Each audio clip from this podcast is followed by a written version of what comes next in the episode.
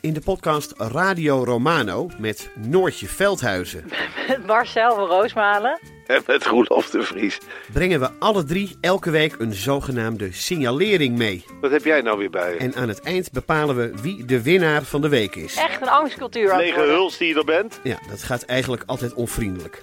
Luister nu naar Radio Romano bij Podimo. Via podimo.nl slash Radio Romano luister je 30 dagen gratis. Kijk, het gesprek begon ogenschijnlijk over het onrecht dat mensen wordt aangedaan als er zo'n vernietigende recensie wordt geschreven. En wat dat met mensen doet. Ja. Daar leek het gesprek over te gaan. Maar gaandeweg, en dat is dankzij goed redactiewerk van mijn eh, redacteur destijds, blijkt dat die test niet deugt. Via podimo.nl slash gonzo luister je de eerste 30 dagen gratis naar Podimo. podimo.nl slash gonzo. Als Kuiper, denk ik, eerlijk de geschiedenis in moet gaan, dan is het denk ik de eerste radicale democraat van de Nederlandse democratie. Niet Thorbecke, die had niks met democratie, die heeft het kiesrecht zelfs teruggebracht tot een kleine elite. Kuiper is van begin af aan voor algemeen kiesrecht, maar is van begin af aan een radicale democraat en uitdrukkelijk een emancipator van de kleine luiden geweest. Dus wil je hem ooit recht doen in de geschiedenis, dan moet je zeggen, dit is onze eerste democraat. Dit is Betrouwbare Bronnen met Jaap Jansen.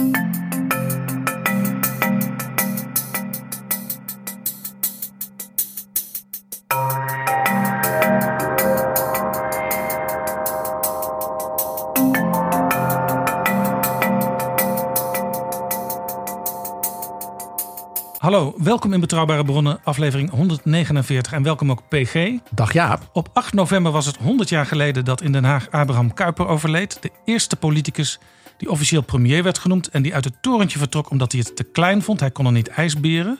Van Kuyper verscheen onlangs een prachtig 400 pagina's stellend portret. De zeven levens van Abraham Kuyper. Portret van een ongrijpbaar staatsman, geschreven door historicus Johan Snel. En die is ook bij ons. Welkom in Betrouwbare Bronnen, Johan Dank je Snel. Ja? We hebben trouwens in Betrouwbare Bronnen al drie keer uitgebreid aandacht aan Kuiper besteed. Onder andere Kuiper als oprichter van de oudste politieke partij van Nederland, de Anti-Revolutionaire Partij. 1879. Van de wereld eigenlijk zelfs, als je het een beetje groot wilt zien. En de links naar die aflevering kun je vinden in de beschrijving van deze aflevering. We hebben het ook, Jaap, over de lintjesaffaire gehad. Dat was toch best een, eh, een, een, een financieel dingetje in zijn loopbaan. Ja, dat was, is, is, zeg ik vaak, dat is een podcast op zichzelf waard. Nou, dat was in dit geval ook zo, want het maakte deel uit van een podcast over eh, financiële affaires in de politiek. Kleine krabbelaars. Dus de lintjesaffaire die parkeren we nu. Daar gaan we het nu niet over hebben. Maar er is nog heel veel om het wel over te hebben. Jaap Jansen en Pieter Gerrit Kroeger duiken in de politieke geschiedenis. Oud-premier Jan-Peter Balkenende vroeg zich in 2006 alles af of Abraham Kuyper niet zijn eigen venster zou moeten hebben in de kanon van de geschiedenis van ons land. Hij was immers de eerste moderne partijleider, de ARP. Hij was de eerste die zich met massamedia bezighield. En de eerste echt internationale wereldwijd kijkende premier van een pril democratisch Nederland. Bijzondere man dus. Johan Snel, uw boek heet De Zeven Levens van Kuyper. Dat wijst er al op dat hij buitengewoon veelzijdig was. En die titel is gebaseerd op vier velletjes zelfportret die u in het archief vond. Ik denk dat meer mensen dat wel in het archief hebben zien zitten, maar het is erg onleesbaar. Het is eigenlijk het klad afschriftje wat hij achter heeft gehouden van eh, iets wat waarschijnlijk in het net naar Parijs of naar Frankrijk is gegaan. Blijkbaar een schets van zijn leven, dat hij tegen zijn 75e verjaardag schreef, terugblikkend op zijn leven, voor een Frans biografisch woordenboek. En het kladje zit dus in zijn archief en het is in Frans en het is in zijn handschrift en het is in het klad. Dus het is, ik ben er een week mee bezig geweest om het te ontcijferen, omdat me langzaam begon te dagen dat er iets bijzonders in stond. Het was dus eigenlijk gewoon een kleine autobiografie. Abraham Kuyper schreef dus als 75-jarige een soort kleine memoires in het Frans. Voor een Frans biografisch woordenboek. Dat deed hij gewoon in het Frans. Zijn Frans was vloeiend, was, was, zoals we dat noemen nu native. En- Eh, het klinkt een beetje alsof je nu je eigen Wikipedia-pagina schrijft. Zo van, ik wil wel juist geboekstaafd worden. het was hem duidelijk gevraagd. Eh, dus dat was toen de methode. Maar het is inderdaad eh, grappig dat hij zijn eigen levensschets... maar omdat hij het zo origineel doet... levert het ook een een redelijk origineel boek op, denk ik. En wat benadrukte hij van zichzelf? Wat wilde die, hoe wilde die zichzelf kenmerken? Nou, heel opvallend. En daar, dat was ook de reden dat ik er echt uh, ben naar gaan kijken. Ik, ik in de brieven iets over zijn tocht in de Alpen. Dat vond ik apart, want dat is in geen enkele biografie tot dusver beschreven. En toen herinner ik me weer dat in dit kladje hij begint met zichzelf te noemen alpinist en reiziger hey, alpinist denk je dan, dat wil ik toch weten. En een Hollander in de bergen. Ja, en zo is het eigenlijk begonnen. En eh, ik heb dus uiteindelijk uitgevonden dat hij wel 35 zomers in de Alpen heeft doorgebracht. En dat hij daar meestal enorme bergtochten maakt en ook klim, beklimmingen maakt. Hij was dus ook echt een alpinist, maar je zou het bijna niet geloven. Tot dus had geen enkele biografie dat ooit opgepikt. Maar hij beschrijft het beknopt, inclusief de gebergten die hij gehad heeft, in, in deze autobiografische schets. En eerlijk gezegd was dat voor mij de aanleiding. Ik dacht, als hij dat schrijft, zit daar, zit daar wat achter. En dat ben ik gaan uitzoeken. En dat heb ik ook inderdaad uitgevonden. En ook wel grappig, want uh, Kuiper die uh, noemde zichzelf Calvinist. dan denk ik altijd aan mensen die hard werken in het zweet uws aanschijns. En hij begint dus zijn levensbeschrijving met wat hij in zijn vrije tijd heeft gedaan. Alpinist en reiziger, wat hij elke jaar diverse keren deed. Hij maakte ongelooflijk veel reizen, dat is in hoofdstuk 3 beschreven. Maar hij was ook een echte alpinist. Eh, ik heb het wel eens een beetje met, met mensen die verstand hebben van bergbeklimmen doorgenomen. Maar uh, het, het, zat echt wel aan de top wat hij toen deed. Hij, hij, kwam de vier kilometer over. Hij heeft echt de beklimmingen gedaan, dus niet alleen gewandeld. En hij maakte ongelooflijk lange tochten op, op grote hoogte van honderden kilometers. In zijn, vaak in zijn eentje. En ook heel tragisch, zijn vrouw is bij een van die reizen, daar was hij bovendien eens bij, uh, gestorven door een val op een gletsjer. Ja, dat, heb ik ook voor het eerst beschreven, denk ik, zeg maar. Dat is, maar het speelt zich ook in die bergen af in 1899. Het goede nieuws was zijn hele gezin, zijn nog opgroeiende, inmiddels deels volwassen kinderen, waren, waren ook eh, verslingerd geraakt aan de bergen. En zelfs zijn vrouw moest eraan geloven en die ging dus ook gletsjertochten maken. En als gevolg van een val op een van die gletsjers in 1899 in augustus uh, is ze opgenomen en toen bleek ze buiktyfus te hebben en daar is ze aan overleden. Ik, weet niet precies wat nou het verband is tussen die val op de gletsjer en buiktyfus. Ze was gewond, dat wel, dat weten we zeker, maar ze is overleden. En Kuiper moet er nog net bij geweest zijn, maar ze was niet meer bij bewustzijn, is mijn reconstructie. Hij kwam uit de Pyreneeën waar hij zat te kuren. Hij, hij moest voor zijn aandoeningen kuren in de Pyreneeën. Hij heeft dus een hals over kop reis gemaakt van de Pyreneeën naar de Alpen, waar hij haar waarschijnlijk niet meer bij bewustzijn heeft aangetroffen. Diezelfde dag is ze nog overleden in de Alpen en ook begraven in Meiringen in Zwitserland. En dat reiziger en alpinist, dat is dus één van de zeven levens van Abraham Kuyper. U noemt hem een, een ongrijpbaar staatsman. Van waar dat ongrijpbare? Ja, hij blijft ongrijpbaar door die hoeveelheid van rollen, maar doordat je ook uh, altijd, als je hem leest, dan zie je een voortdurende stream of consciousness, heb ik dat beschreven. Het is alsof hij alles voortdurend doordenkt en weer verder brengt en op een ander niveau brengt. En dat heeft iets ongrijpbaars. Hij is nooit voor één gat te vangen. Um, hij is ook altijd weer creatief in zijn oplossingen. Als je hoort dat hij Calvinist is, denk je nou, dan weet wel ongeveer wat hij is. Maar hij is veel creatiever dan je ooit van een Calvinist zou geloven, zeg maar. Hij, hij doordacht echt de hele werkelijkheid. Dus hij is ongrijpbaar ook in zijn enorme uh, chameleontische intelligentie, is een term die ik gebruik. Uh, hij is een chameleon uh, in, in, zijn denken. En, hij, en, voortdurend verschiet hij van kleur. En ziet hij weer nieuwe mogelijkheden, nieuwe oplossingen. Hij was ook progressiever en, en, moderner dan je zou verwachten van een Calvinist. Hij deed ook heel veel dingen tegelijkertijd. Wat ik heel interessant vond in het boek staat ergens de dagindeling. En hij had bepaald geen 9 tot 5 mentaliteit.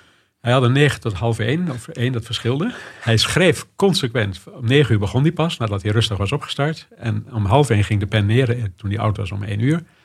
En alles wat hij geschreven heeft, al zijn boeken, al zijn artikelen, al zijn meditaties, heeft hij geschreven tussen 9 en half 1. Of eigenlijk tussen 9 en 12. Van, van 12 tot half 1 schreef hij zijn beroemde drie starren. Daar was hij het populairst door. Dat waren puntige commentaren op de voorpagina van de krant.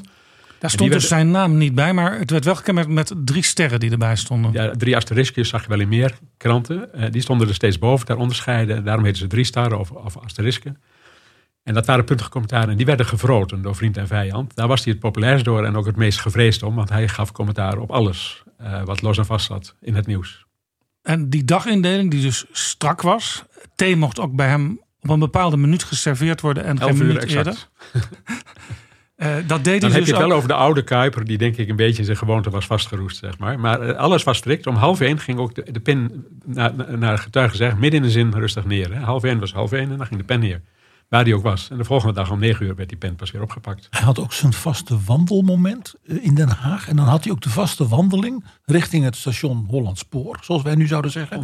En die wandeling kun je bij wijze van spreken reconstrueren. Dus ik roep de burgemeester van Den Haag nu op een kuiperwandeling in de stad te reconstrueren. Zowel in Amsterdam, waar hij lang heeft gewoond, als 20 jaar nog in de laatste twintig jaar in Den Haag, had hij zijn vaste wandelroutes, wel een aantal. En die duurde altijd twee uur exact op een dag. Smiddags begon die en wat hij dan nog tekort kwam, dat maakte die s'avonds later af. En zo kwamen Hagenaars tot hun stomme verbazing in 1901 een eenzaam door de straten voortploeterende premier tegen, die in zijn eentje nog even een late avondwandeling maakte. En ook wel werd aangeschoten door journalisten en door mensen. Maar een poosje waren ze daar gewend. De premier loopt altijd alleen, altijd zonder jas. Ook midden in de winter, zonder jas, liep hij nog even zijn laatste uurtje af te maken wat hij die dag nog had gemist. Hij was dus zo punctueel dat hij elke dag ook absoluut op de klok af twee uur wandelde. Ja, dat zonder jas vond ik overigens wel fascinerend. Want de foto's die ik van Abraham Kuyper ook in uw boek zie, daar heeft hij meestal wel een jas aan. Dat is altijd voor het net. Dan is die, uh, die foto's worden altijd gemaakt bij publieke aangelegenheden. En dan trok hij keurig zijn jas aan zoals van een goede burger verwacht werd. Maar buiten zelf wandelde hij altijd zonder jas. En dat wandelen, dat had ook een functie. Hè? Dat was ook om zijn hoofd leeg te maken en om de puzzelstukjes weer op de juiste volgorde te leggen. Ja, daarom wandelde hij ook het liefste alleen. Hij vond het altijd maar irritant als iemand meeging, want die leidde maar af. Hij liep ondertussen gewoon te kauwen op zijn stukjes voor de volgende dag. Uh, en die had hij allemaal al uitgekauwd in zijn hoofd. En dan sliep hij dus een nachtje over. En dan de volgende dag om 12 uur, dan kwamen ze eruit te knallen. De drie starren vooral. Die werden tijdens wandelingen geboren. Jaap, het is een van, van die vele fascinerende dingen in dit boek. Dit is volkomen herkenbaar als je het leven en de dagboeken van Thomas Mann leest. Thomas Mann schreef van 9 tot 12, waar hij ook was in zijn huizen, of het nou in München, in Zurich, in, in Princeton, in Pacific Palisades in Amerika. Altijd van 9 tot 12. En ook de vaste moment dat hij zijn sigaar had en zijn kopje koffie. En ook zijn vaste wandeling met het hondje Nico. Waarin hij inderdaad alweer aan het nadenken was over wat hij de volgende dag. Had zijn vaste moment dat hij brieven dicteerde blijkbaar is het zo dat dus zo'n groot literator, want dat was Kuiper, en dat was ook Thomas Mann, dus dat element van een bijna, bijna ijzeren discipline nodig had om die fantasie en die ongelooflijke veelzijdigheid te richten, die focus te geven. Ja. En ook heel praktisch, hè? want de rest van de dag had hij gewoon andere taken. Smiddags was hij hoogleraar of politicus of premier, al die dingen. En dat deed hij dan smiddags. En s'avonds corrigeerde hij zijn drukproef en uh, ontving hij ook gasten, journalisten, interviews, noem maar op. Dus de hele dag had zo zijn functie. Hij had ook niet meer tijd dan s ochtends om te schrijven, want hij had altijd nog een middag en een avondtaak bij. S'avonds hield hij altijd ontspannen. Hè? Dan had hij gasten of dan uh, correctiewerk zag hij ook als ontspanning. Dat was geen werk. Het werk eindigde eigenlijk naar zijn besef smiddags om half één of één uur. Het schrijven was het echte werk, de enorme inspanning. Het regeren was daarnaast. Het regeren was, eh, de, de, de, de ministerraad verplaatste die ook naar de middag, zodat hij s ochtends ongestoord kon schrijven. En dan zat hij s middags gewoon in de ministerraad. Maar dat soort dingen waren in zijn beleving altijd betrekkelijk ontspannen. De, de Thomas Mann liever, liefhebber Mark Rutte zou als premier dus misschien wel een voorbeeld kunnen nemen aan Abraham Kuyper. De dagindeling toen die premier was. Ik blijf nu alle dagen tot één uur thuis. Ga dan naar mijn departement. Heb om vier tot zes ministerraad. Eet om 7 uur 30, rust dan wat. Werk tot 9 uur, drink dan thee. En ga een uur lopen voor ik naar bed ga. Rusteloos van de Kanaalstraat naar station Hollandspoor. Precies een half uur en een half uur terug door regen, wind en sneeuw. Dan slaap ik goed vijf uur. De dag begint weer. Ja, dat laatste is ook wel een goed detail. De laatste twintig jaar van zijn leven had hij toch weer een soort slaaploosheid. Hij sliep prima in, maar hij werd s'nachts om vier of vijf uur wakker en sliep meestal niet meer in. Maar dan bleef hij wel gewoon liggen. Uh, hij ging pas om negen uur weer aan de slag. Dat was allemaal ons. Hè, dus zijn, zijn, discipline had ook, had ook heel veel elementen van ontspanning in zich. S ochtends ontspande hij zich. S'avonds ontspande hij zich. Hij wandelde elke dag. Dus hij kon zo ontzettend veel werk verzetten omdat hij dat werk altijd beperkte tot strikte uren. Was hij eigenlijk een prettig mens voor zijn omgeving? Als je zo gedisciplineerd bent, dan kun je toch ook heel vervelend zijn, denk ik. Ja, maar voor zijn gezin was hij zeker niet vervelend. Eh, vaste discipline was bij hem ook dat hij tussen 1 en 2 uur s middags met zijn kinderen ravotten en, met zijn, en huiswerk deed en al dat soort dingen. Maar hij was ook een echte ravotter. Dus wat dat betreft je merkt ook dat alle kinderen verknocht aan hem waren, ook later. Dus, dus, dus er zat geen enorme spanning op dat een autoritaire vader, nooit, of afwezige vader. Hij was duidelijk Heel anders dan je in 19e-eeuwse verhalen over kinderen, over hun ouders met respect en maar angst en, en, en afstand en kil. Kenmerkend voor Kuiper is juist dat fysieke, dat ravotten en zo. Hij had zelfs een, een truc, hij had een paar met acht kinderen en al die acht kinderen kon hij optillen. Dan stond hij daar als een, als een uh, reus, stond hij al zijn kinderen te tillen. Die hingen dan aan hem en die stond op zijn voeten. Maar, uh, dus hij was ook fysiek, was die, was die close met zijn kinderen. En dat wandelen en dat in de Alpen trekken, waar hij zijn zoons ook meenam en ook zijn dochters. Later ging hij met het hele gezin de Alpen in. Alleen hij moest in die jaren kuren. Dat komt door een enorme ziekte die hij in 1894 heeft gehad. En dan zat hij wel eens in zijn eentje in de Pyreneeën, terwijl de rest in de Alpen rondtrok. Maar je komt met alle kleine dingen die in een gezin tegenkomt, nooit tegen dat dit een afwezige autoritaire vader was. Geen van beiden. Wat ik ook heel leuk vond, is dat hij als oude man, als zijn dochters dan heel actief zijn voor het Rode Kruis in de Eerste Wereldoorlog, is hij zo trots op ze dat hij dus helemaal op bezoek gaat in Hongarije omdat ze daar van alles organiseren. En er dan meteen ook met alle politici praat. Maar toch ook om te, ja, het meeleven met wat die dochters allemaal presteren. En dat is ook weer voor een man van die generatie wel iets bijzonders. Ja. Zoals wij er nu over praten, blijkt eigenlijk al dat ja, je hoeft maar een muntje in de machine te gooien. en iemand die Kuiper een beetje kent, die houdt niet meer op met vertellen. PG, jij hebt ook een fascinatie voor Kuiper, hè? Ja, dat kan bijna niet anders. Ik bedoel, uh, wat, wat, wat, wat in dit boek ook blijkt, zijn literaire kwaliteiten. Daarin ook zijn artistieke kwaliteiten. Hij was een ongelooflijk productieve journalist, verslaggever. Als ik het mag samenvatten, ook als lezer van dit boek en nou ja, belangstellend politiek, drie dingen die hem zo uniek maken. Ten eerste, de man was enorm energiek. Een kleurrijke persoonlijkheid, dat is al duidelijk. En op een bijna ongekende hoeveelheid terreinen van het leven. Van filosofie, theologie, beta-wetenschap, journalistiek, uh, redenaar. Hij kon alles, om maar zo te zeggen. Tweede element, het was iemand natuurlijk met een enorme politieke betekenis. Hij is een echte doorbraakfiguur. De eerste man van een massapartij. De eerste moderne minister-president van het land. Uh, en ja, hij is voor onze tijd de 21ste eeuw in zijn denken en een aantal van de thema's die hij ook agendeerde in zijn tijd ongekend modern en inspirerend. Het is dus iemand, als je je een beetje voor politiek interesseert, uh, Johan Snel, iemand waar je dus je echt wel in moet verdiepen, want hij is ook voor nu nog heel relevant. De relevantie zit denk ik inderdaad vooral in zijn politieke werk voor nu.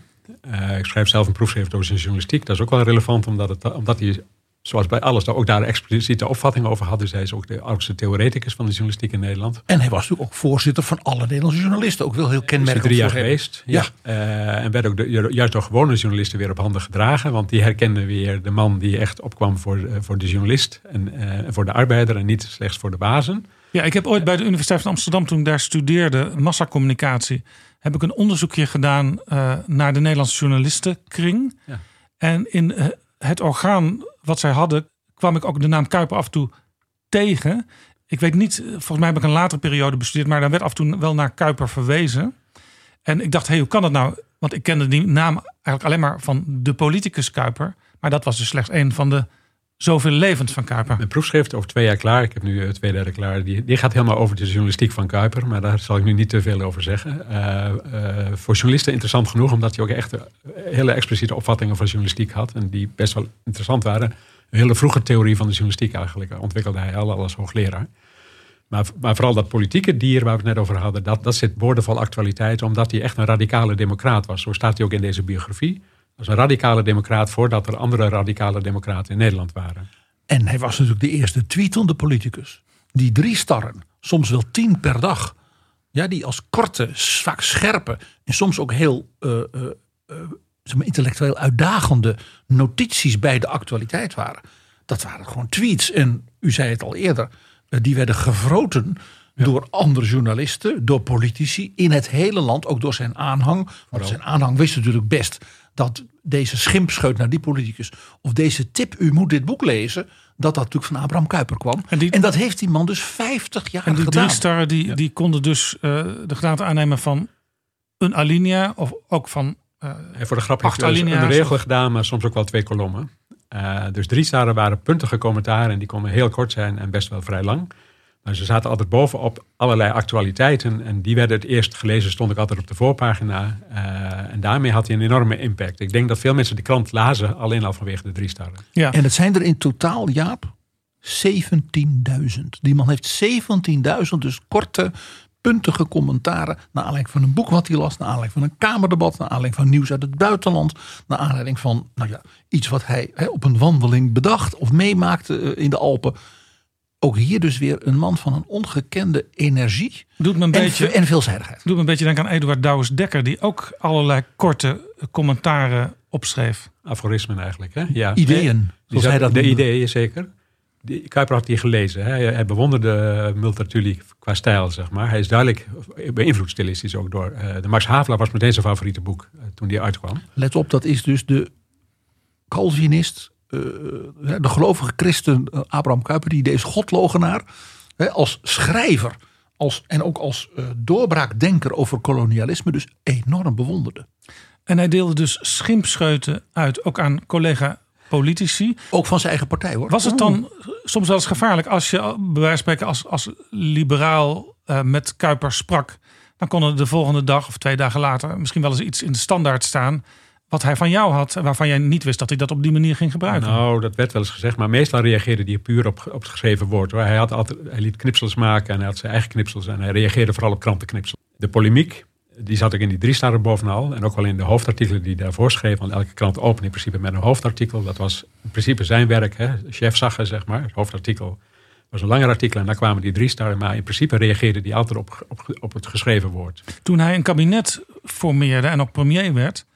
Toen stond op een bepaald moment in de standaard wie allemaal het ministerschap geweigerd hadden met naam en toenaam. En dat was overgeschreven uit het blad de Hollander. Maar dat is ook een beetje een rare manier van. Dat heb ik even gereconstrueerd. Want daar hebben mensen zich wel eens over verbaasd. Maar ik kwam er vrij snel achter. De Hollander was een blaadje die door zijn rechterhand werd geschreven.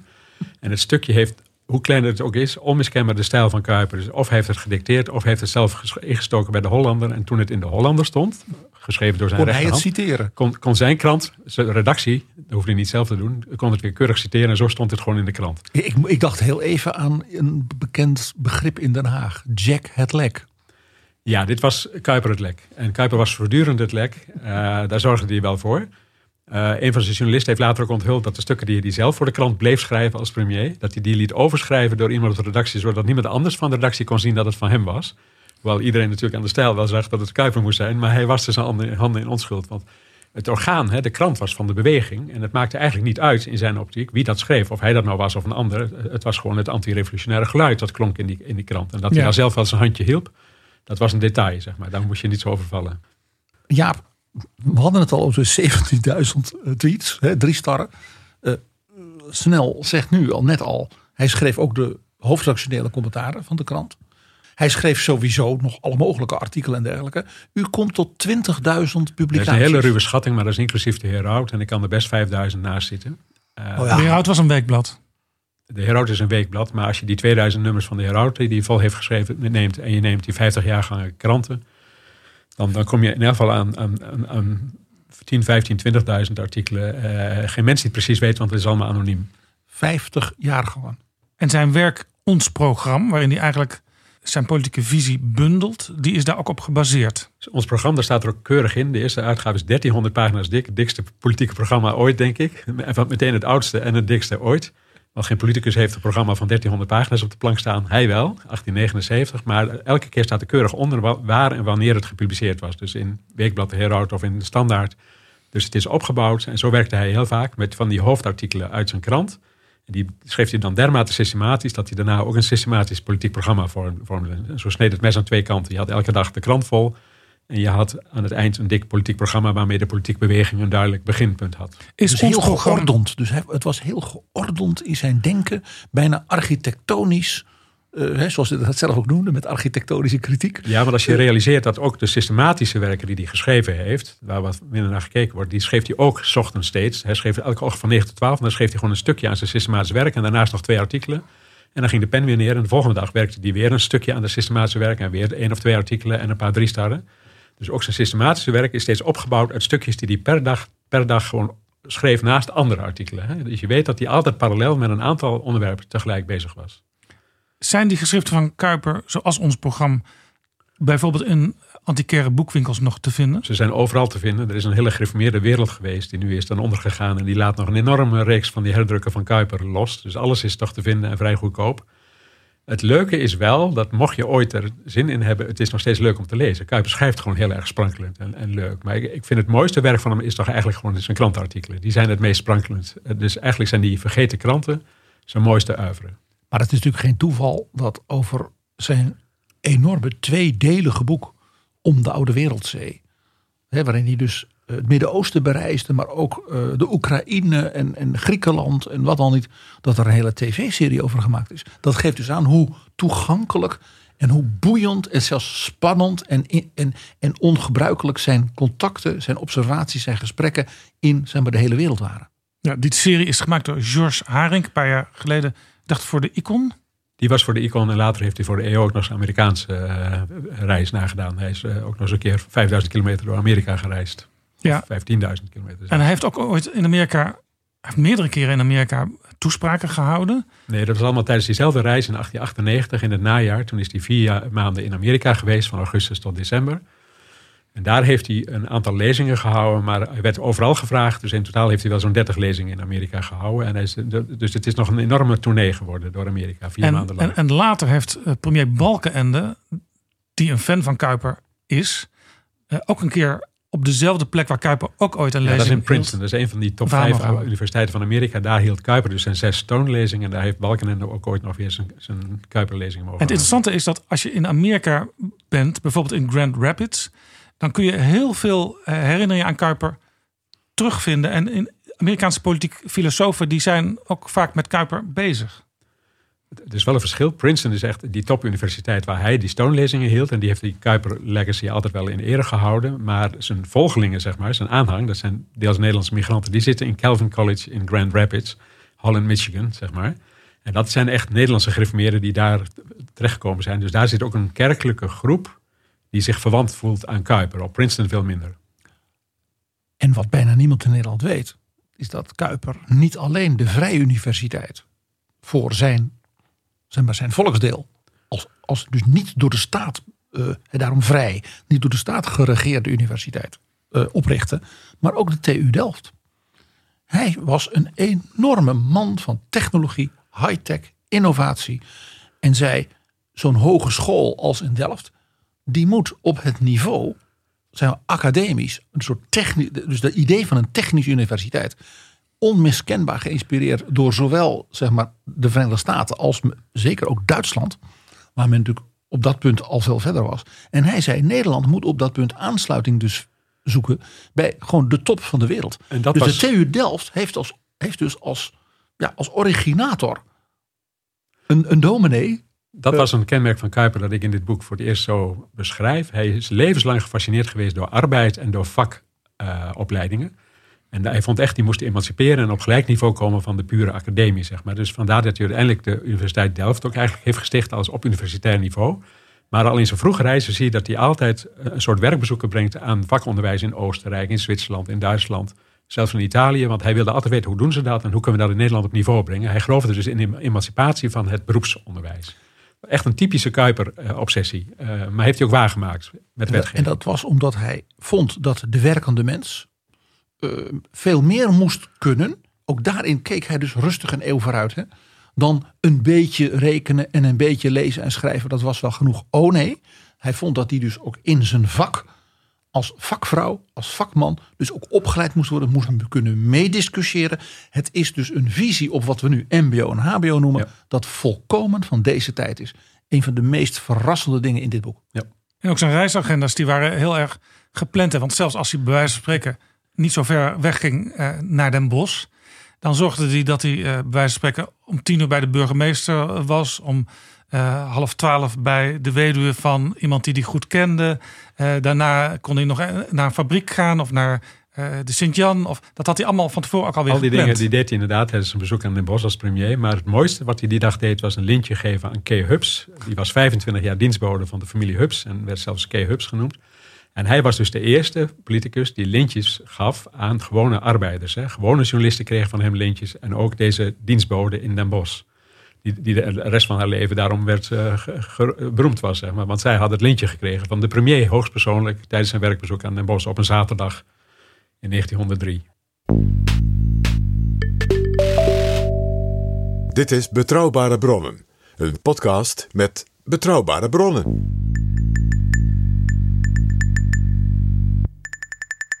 Misschien moeten we nu overgaan naar Kuiper de politicus. Ja, hè? Want u zei het al, Johan Snel. Hij zorgde er dus voor dat uh, ja, de arbeiders niet vergeten werden. hij was dus eigenlijk al voor het socialisme ook een politieke uh, rol kreeg. Uh, was hij ook al bezig met wat in die tijd ook wel de kleine luiden werd genoemd. Heel goed om te weten dat bij de kleine luiden Kuiper dus niet, zoals we wel eens denken, dacht aan de kleine burgerij alleen, maar uitdrukkelijk ook aan de arbeidersklasse. Van begin af aan is bij hem de arbeidersklasse vol in beeld en dat is zijn hele leven zo gebleven. Vandaar dus ook dat beroepsonderwijs, dat dus niet de HBS, Precies. maar wij zouden zeggen het MBO, de ambachtschool, het HBO. De emancipatie van de arbeid en de arbeider was wel degelijk zijn hoofddoel in de politiek. De sociale kwestie was zijn nummer één qua politieke agenda van begin af aan. Uh, en op dat punt valt er nog wel een Kuiperbeeld nog wel wat bij te stellen. Uh, Kleine Luid wordt heel vaak van jezelf met wat later de ARP werd, zeg maar, kleine burgerij. En dat hoorde er zeker bij voor hem. Het ging hem eigenlijk om het hele volk dat geen stemrecht had. Ja, Kleine Luid was overigens een, toen al een ouderwets begrip, was, was maar hij heeft het weer opgepoetst. Dat, dat, de Kleine Luiden zijn de, de, volgelingen van Willem van Oranje tijdens de 80-jarige oorlog. En daar bedoelde hij de geuzen en zo, zeg maar. Uh, maar hij bedoelde uitdrukkelijk al dat volk dat, dat, dat geen stemrecht heeft, maar dat wel belangstelling heeft voor de beweging. en zelf was hij ook bereid om arbeiders te helpen in hun emancipatie als arbeider, zeg maar. Dat was eigenlijk zijn grote politieke doel. Hij was ook een groot voorstander van vakverenigingen. Juist. Niet alleen vak, voor journalisten. Vakbonden. En ook heel interessant. Ja. hij zei, de arbeiders, of ze nou protestant of katholiek zijn, laten ze maar samen strijden tegen de liberale heren. Ja. Het groot kapitaal. Dat is weer die beroemde soevereiniteit in eigen kring. Hij vond dat arbeiders als kring, als arbeiders zich moesten organiseren en niet levensbeschouwelijk gescheiden. Het enige dat, dat er toch gebeurde, was dat die socialisten niet wilden samenwerken. En, en dat hij te veel vloekte. En dat vonden die gereformeerde arbeiders dan weer niet kunnen. En dat ging dus niet in de praktijk niet allemaal samen. Maar in zijn visioen zouden arbeiders als arbeiders zich organiseren. En niet als gereformeerde arbeiders of als katholieken. Laten we, laten we onthouden, ja. laten we onthouden dat in de katholieke wereld het de priester Alfons Ariens was. Die een vakbond oprichtte, die heette de Unie. Waarin de protestanten en het katholieke samengingen. Dus in lijn met Kuiper. En het was het episcopaat. Dat toen heeft gezegd, nee wij willen niet dat jullie met die uh, ketters uh, samengaan. Dus dat gaf ook aan dat, het, dat Kuiper in dit opzicht dus met Ariens. Wij zouden nu zeggen dus al veel verder moderner was dan zowel de socialisten als de katholieken. Toen de boeren zich wilden verenigen, en dat was al in de 20e eeuw, toen, toen gaf hij zo ook uitdrukkelijk als advies mee: word gewoon lid van de grote boerenbond die er al is. Die was min of meer katholiek, want er waren nog geen uh, niet-kerkelijke boeren. Maar ga niet voor jezelf beginnen. Schuif gewoon aan bij de grote boerenbond die er al is, want die is meer dan goed genoeg voor jullie. Dus Kuiper was niet van de verzuiling. Dat is altijd leuk om te weten. Behalve waar het ging om opvoeding en onderwijs. Hij zei: ouders, hè, dat was natuurlijk ook de grote strijd, hè, de schoolstrijd met de liberalen. Ouders hebben de opdracht de opvoeding van hun kinderen te doen. Dat is niet een zaak van de staat. De staat moet zorgen dat er genoeg geld voor is, dat er goede scholen zijn, dat de leraren goede diploma's hebben. Maar ouders moeten zelf kunnen kiezen voor de opvoedingsidealen van hun kinderen. En vandaar dus dat hij als het ware, wij zouden zeggen, in het onderwijs, als het ware wel, verzuild dacht. Dat was een organisatievorm daarvan. Maar dat hij bij de andere kringen van het leven, of het nou het werk was, de professie van de journalistiek, uh, werkgevers en dat soort dingen, dacht hij dus niet verzuild. Correct. Hij was dus een, een sociaal gericht man. Ferdinand Domela Nieuwenhuis, de socialist, die zei op een bepaald moment: Alleen de kloven des geloofs lag tussen u en mij. Ik verdenk hem ervan dat dat al een Kuiperiaans soort citaat is, want het is natuurlijk archaïs, kloven des geloofs. Uh, want Domela was uit de kerk gestapt. Uh, en Kuiper had precies het omgekeerde gedaan in zijn jeugd. Die was de kerk ingestapt, zeg maar. Maar ze hebben levenslang, uh, hoewel ze elkaar nooit ontmoet hebben, dat is ook een leuk biografisch feit. Domela, Nieuwenhuis en Kuiper hebben elkaar nooit ontmoet. Maar Domela schrijft in deze persoonlijke brief aan Kuiper op zijn 70ste verjaardag dat hij hem altijd met plezier heeft gevolgd. En ook heel vaak geciteerd en gebruikt voor zijn eigen toespraken. Want hij kwam bij Kuiper voortdurend opvattingen tegen die hij heel goed kon gebruiken voor zijn eigen socialistische beweging. Hij had dus goed in de gaten dat Kuiper van de sociale kwestie was. Uh, en, en Domela sprak dat, was zo eerlijk genoeg om dat gewoon ook openlijk uit te spreken. En daarin week Kuiper ook wel af van veel vooraanstaande antirevolutionairen die veel meer dubbele namen waren en een rijke stand. Ja, want je had. Je Kuiper had, was een democraat. Hè? Je had veel, veel van die, zeg maar, baronachtige types ja, in, uh, in de standaardmaatschappij. En, en dat, dat kwam later ook tot een scheuring in die partij. In midden jaren 90, 1894, 95, dan breekt dat echt. En dan stappen die dubbele namen uit de antirevolutionaire partij. Want de gewone kiezers, de gewone leden blijven Kuiper volgen. Dat is eigenlijk een terugkerend patroon. De gewone bevolking kiest altijd weer voor Kuiper. Daar had hij een mystieke band mee. En die kiest dan tegen die dubbele namen, die stappen eruit. En dat levert later dus de Christelijke Historische Unie op. Waar dan vooral liberale kiezers naartoe overhellen. Ja, vandaar dat ook voor mijn eigen begrip Uh, de Christelijke Historische Unie, die ken ik nog uit mijn jeugd. De VVD van toen, daar was ook een zekere verwantschap ook tussen die twee stromingen. Je ziet dat de antirevolutionaire kiezers hebben massaal toch de lijn Kuiper gekozen als kiezers. Dat kun je gewoon aan de cijfers zien. En het zijn vooral de liberale kiezers die zijn overgelopen naar de Christelijke Historische Unie. Dus de, Christelijke Historische Unie is een typische brug eigenlijk tussen de antirevolutionairen en de liberalen geworden. Liberalisme verdwijnt ook bijna na de Eerste Wereldoorlog. Als we algemeen kiesrecht krijgen, ja, blijft, toen waren er weinig kiezers meer. blijven er maar tien zetels over. Uh, en dan is de CHU net, CHU net zo groot en de ARP ook. Het is ook niet helemaal toevallig dat als je naar de geschiedenis van die partij, de CHU, kijkt, ook in de groei naar het CDA. Dat de, de, de, bekendste namen uit die tijd was natuurlijk de laatste voorzitter van de CHU, die een hele belangrijke, echt een sleutelrol speelde bij de vorming van het CDA. En ook de verkiezing van Van Acht als de eerste lijsttrekker. En dat was Baron van Verschuur. En natuurlijk een iconisch CHU-kamerlid eh, dat decennia in de Tweede Kamer zat en ook populair was, was natuurlijk Freule Utewaal van Stoetwegen, een vriendin van koningin Juliana. Dat is toch een ander milieu, ik zal maar zeggen, dan het milieu waar Kuiper met zijn belangstelling voor ambachtscholen en dergelijke uh, zich oprichtte. U zei net al, op een bepaald moment werd het algemeen kiesrecht ingevoerd. En dat leidde tot, tot andere verhoudingen in de politiek. Ik lees op pagina 135 in 1890 was de AR al de partij met de grootste aanhang, al mocht die merendeels nog niet stemmen. Hoe weet u dat de aanhang toen al zo groot was? Het is dat Kuiper zelf die cijfers altijd bij, bijhoudt op de voorpagina van die krant. Dus je kunt altijd tot achter de komma precies lezen waar, hoeveel kiezers er waar zitten enzovoort. Hij was een man van statistieken. Maar al vanaf 1880 hadden die antirevolutionairen de grootste aanhang. Vergeet niet, die AEP stond open voor gewone leden. Hè? Uh, maar zelfs bij verkiezingen hadden ze al meer stemmen. Maar door het districtenstelsel dat tot de Eerste Wereldoorlog heeft bestaan, konden liberalen meer districten winnen dan antirevolutionairen. Uh, dat is een kwestie van kiesdistricten. Was dat ook een kwestie van uh, wat ze in Amerika, in Amerika, gerrymandering noemen? Namelijk ja, gerrymandering. De mensen die de macht hebben kunnen ook de kiesdistricten, de grenzen daarvan bepalen. Exact, dat is ook exact wat toen wel degelijk gebeurd is. Er is veel gevochten over de grenzen van die kiesdistricten. En de macht kon dat een tijdje vasthouden. Dus het heeft Kuiper ongeveer 20 jaar gekost om met die meerderheid van de kiezers ook werkelijk de macht te grijpen. In 1901 dan grijpt hij de macht, hè, dan wordt hij premier. Nou, nog heel interessant, die districten leiden dus ook tot hele merkwaardige kiesstrijd. Fameus is natuurlijk in een kiesstrijd in Friesland, waar de, zeg maar, een chique liberaal als tegenkandidaat had Domela Nieuwenhuis, de socialist, de anarchist. 1888. En, en wat zei Kuiper tot het gereformeerde volk, en dat waren er velen in Friesland, stem op Domela. Ja, het is een godlogenaar. Ja, dit en dit, het is een anarchist. Maar hè, het sociale hart. En ten tweede, samen strijden wij tegen de liberalisten. En Domela werd dus inderdaad in dat kiesdistrict met, was een grote verrassing natuurlijk voor de Haagse politiek gekozen. Domela wist het ook. Hij was als enige socialist, hè, want hij was in zijn eentje in 1888 in de Kamer gekozen voor het district Schoterland. Met steun, deels stilzwijgend, maar, eh, stil, maar helder genoeg, met, met stilzwijgende steun van de antirevolutionairen. Die op advies van Kuiper de socialist verkozen boven de liberaal. Heel interessant wat jij zegt, PG. Hij had het over liberalisten. En de coterie noemde die ze ook. Dat doet me een beetje denken aan de discussie nu bijvoorbeeld in Frankrijk over de radicale islam. Macron die staat erop. Hij belt zelfs met, met redacteuren van internationale kranten. Als zij hem citeren dat hij gezegd zou hebben een islamitische aanslag. Nee, zegt Macron, ik heb gezegd een islamistische aanslag.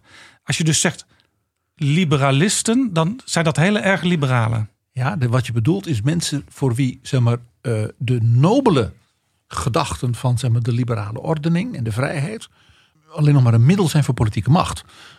In dat opzicht kun je de opmerking van Macron vergelijken, al vind ik hem wat. Ze gebruikte over en weer het scheldwoord. Kuiper heeft zijn hele leven lang bijna liberalen, dus liberalisten. Dat was echt een scheldwoord. En de coterie, dat vond ik ook zo mooi. En de coterie, gewoon een kleine kliek. Ja. Maar omgekeerd werd hij in de liberale pers tot ver in de 20e eeuw beschreven als klericaal. Dat net zo goed een scheldwoord is, want Kuiper was natuurlijk op geen enkele manier een klericaal. Hij, hij was geen, liep niet aan de handje van enige kerk of wat dan ook.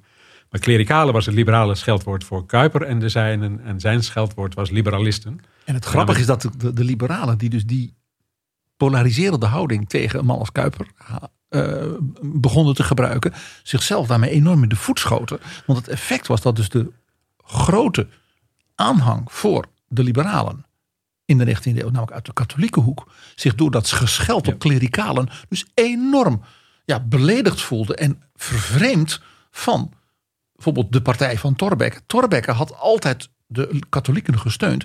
Omdat die katholieken zeiden, ja, dat Nederland is wel heel protestant. En de liberalen geven tenminste nog wat vrijheid. En het grappige is dus door het verzet van de liberalen tegen Kuiper. En natuurlijk ook van Kuiper tegen de liberalen. De katholieken als het ware verschoven in de Nederlandse politiek. Van pro-liberaal naar pro, ja, zeg maar, confessioneel. Ja, en uh, ik las ook in uw boek dat Kuiper in zekere zin de ideeën van Thorbecke... die in 1848 in de grondwet hun neerslag vonden... nader, zeg maar, politiek-cultureel heeft ingevuld. Ja, die burgerrechten, eh, zeg maar, die typisch zijn voor, dat, voor de grondwet van 1848, die eigent hij zich toe. Zeg maar. In 1873, dat is precies 25 jaar bij de herdenking, dan zie je dat ook. Dan schrijft hij een enorme reeks over de vrijheid van meningsuiting en alle burgerlijke vrijheden. En dan betoont hij zich daar ook weer radicaal. Bij hem is, is het punt steeds, die zijn niet alleen bedoeld voor de liberale elite, zoals de liberalen denken, die zijn uitdrukkelijk bedoeld voor het hele volk, juist ook arbeiders. Dus burgerrechten moeten nu maar eens een keertje waar worden gemaakt. Dus hij was dus uiteindelijk een vurig voorstander van de burgerrechtenbeweging van 1848. Maar hij was radicaal is een democratische toepassing op de hele samenleving. Dus ook de onderkant. Eh, eh, het volk achter de kiezers moest, zich, moest, moest geactiveerd worden. En burgerrechten waren ook bedoeld voor Joden en voor minderheden. Dat was zijn punt. En daarom dat dus Kuiper de door Thorbecke in 1848 de grondwet vastgelegde vrijheid van onderwijs zo bewonderde. Dat hij zei, deze liberaal begrijpt dit. Ouders moeten die vrijheid hebben. Hij zei, maar ja, de liberalisten die zeggen dan, dat betalen ze dan zelf maar. De armen. Dat kan niet. En dus de gedachte van Kuiper was, als je die vrijheid van onderwijs hebt. En je vindt dat de samenleving als mensenrecht belangrijk.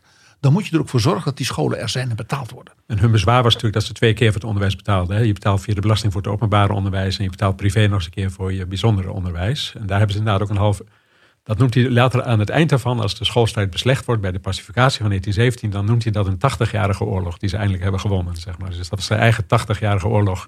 Maar dat gaf dus aan, dat had dus te maken met een hele fundamentele opvatting over burgerlijke vrijheden. En in de geschiedschrijving uh, wordt vaak de, de schoolstrijd wat afgeschetst als ja, het ging om het geld. Het ging bij Kuiper absoluut dus niet om het geld. Het ging om de staatstaak ten opzichte van armen, van arbeiders en die ook hun kinderen wilden opvoeden. U, u zei zojuist al, als, als hij anderen liberalist noemde, dan werd hij weer klericaal genoemd. Dat waren dus ja, grote karikaturen. Er waren in die tijd natuurlijk ook sowieso veel karikaturen waar Kuiper in voorkwam. Albert Haan bijvoorbeeld, die hem als Abraham de Geweldige op een extreme manier. Dat is allemaal later in zijn leven, dat is pas vanaf 1900. Dan komen die socialisten. Hij opzetten. knalde bijna de pagina's af. Ja. En interessant, u schreef ergens in uw boek uh, als je hem op straat zag lopen, dan moest je even goed kijken. Is dat de premier? Is dat Kuiper? Dus zo, zo, zo Abraham de Geweldige was hij dan ook weer niet als je hem in werkelijkheid tegenkwam.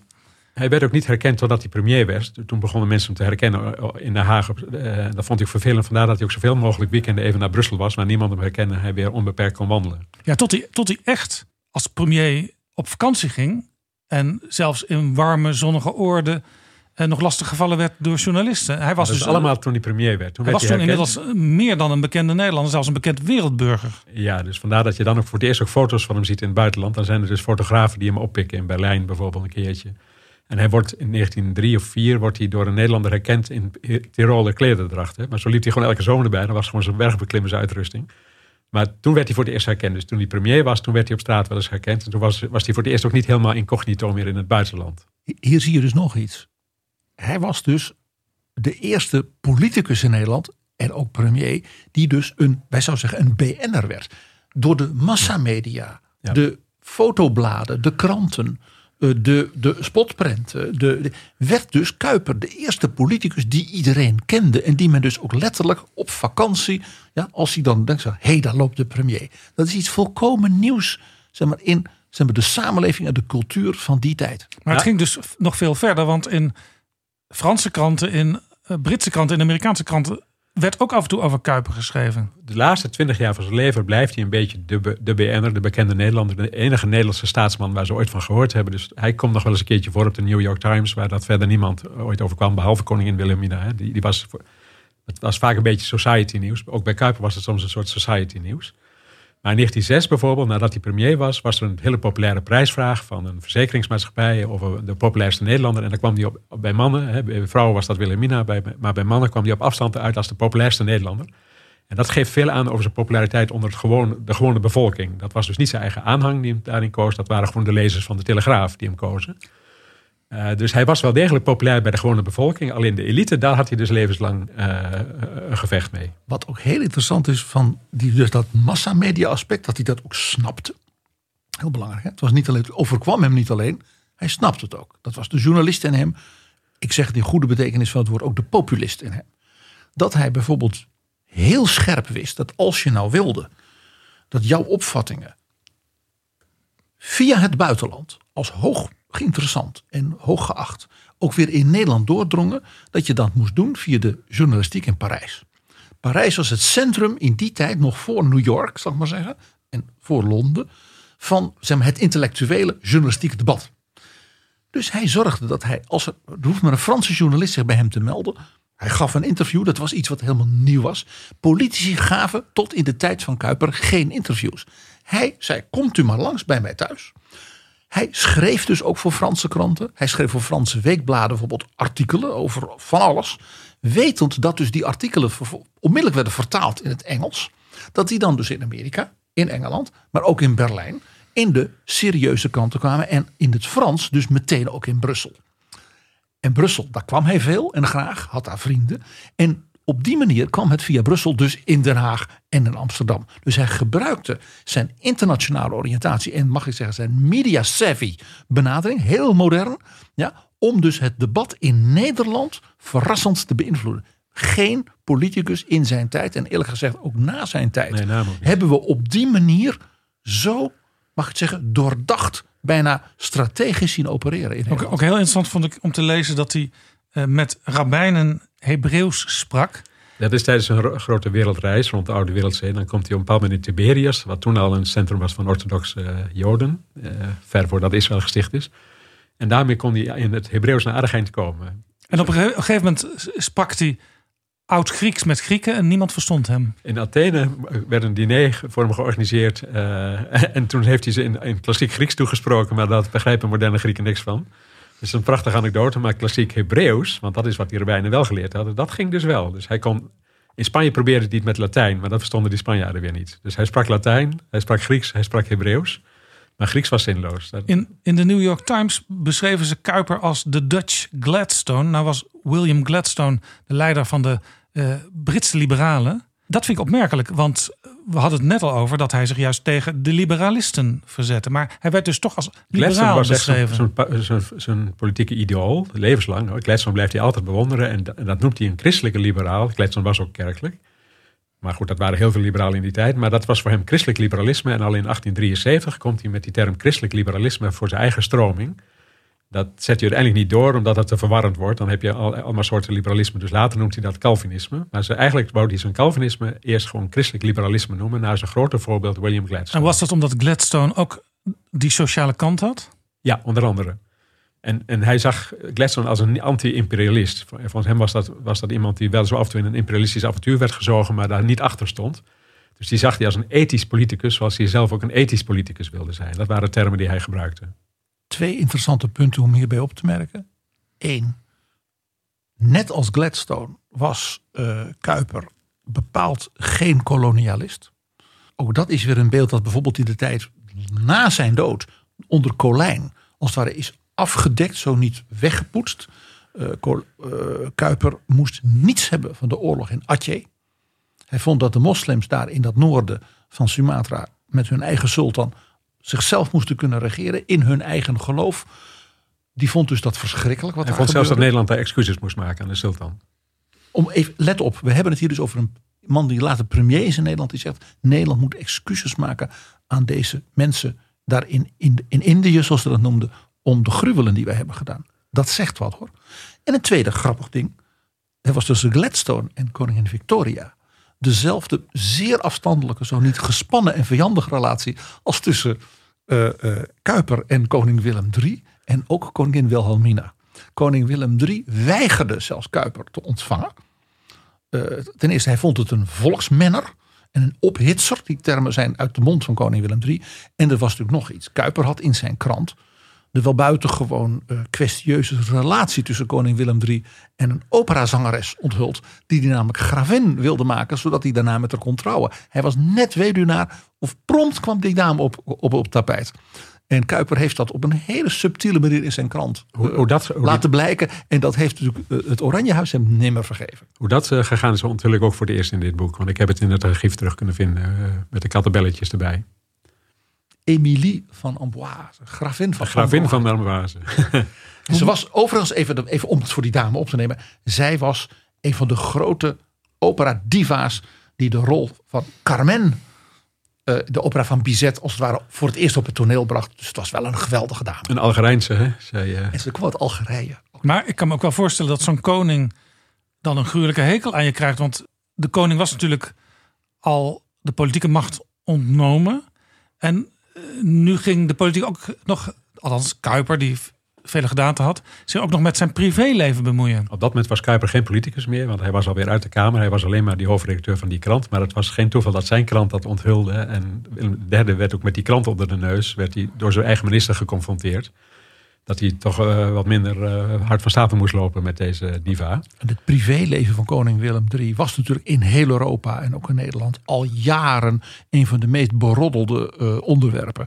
En dat dan zo'n zo, zo'n christelijke krant die zo opneemt voor het Oranjehuis en hè, dan de koning confronteert met zijn zedeloze gedrag, dat was natuurlijk extra pijnlijk. Ja, werd dat meteen geaccepteerd in de gereformeerde achterban dat er zo over de nee, koning dat deed hij buitengewoon omzichtig. Het, het, het, staat er in hele barokke omslachtige termen. Dus het is alleen maar voor de insider dat je snapt wat er aan de hand is. Maar... Heel Den Haag snapte het. Ja, dus de sociëteiten, daar werd het gelezen. Den Haag begreep het, maar de rest had geen idee waar het over ging. En alle diplomaten in Den Haag die stuurden het met een telegram, zeg maar onmiddellijk naar Parijs, naar Londen, naar Berlijn en München en Wenen. Het stond inderdaad in de internationale kranten eh, als gevolg hiervan. Maar de koning Willem III zag Kuiper bovenal gewoon als, als plebs, als een ordinaire volksmenner, als een socialist, zeg maar, zoiets. Uh, het was gewoon niet van zijn stand. Het was geen man van stand. Ja. Zo zag hij dat. Het werd al een paar keer aangestipt. De betekenis en ook de kleur van Kuiper, die werd later in de geschiedenis nog wel eens uh, bijgekleurd door bijvoorbeeld opvolgers als Colijn. Uh, maar als ik een geschiedenisboekje een klein dun geschiedenisboekje over Nederland uh, lees. En er staan maar twee alinea's over Kuiper in. Dan staat daar ook altijd uh, de spoorwegstaking in. Ja. En, en, de het, worgwetten. En het stakingsverbod, dat zijn die worgwetten. Ja. Uh, dat spoort grappig woord in dit verband. Dat sport ook niet helemaal met dat sociale beeld wat, wat, wat u net Dat is de tragiek van Kuiper geweest, denk ik. En ook altijd gebleven dat hij uiteindelijk frontaal is, in botsing is geraakt met de socialistische beweging van Troelstra. Die met name. En Troelstra heeft ervoor gekozen uh, niet zozeer oppositie te voeren, maar agitatie te plegen. En daar is Albert Haan was daar ook heel erg handig voor. Dus de socialisten hebben hem heel goed tot boeman weten uh, uit te roepen. Vanaf die mislukte spoorstakingen van maart 1903. In januari waren de spoorstakingen geslaagd. Kuiper koos eigenlijk als premier ook de kant van de stakers. Vond dat, de spoorweg, eh, dat die rechten hadden en, en heeft dat ook recht gekregen. Maar dan komt er daarna een wilde politieke staking. En daar heeft de hele Kamer zich toen tegengekeerd onder leiding van de premier.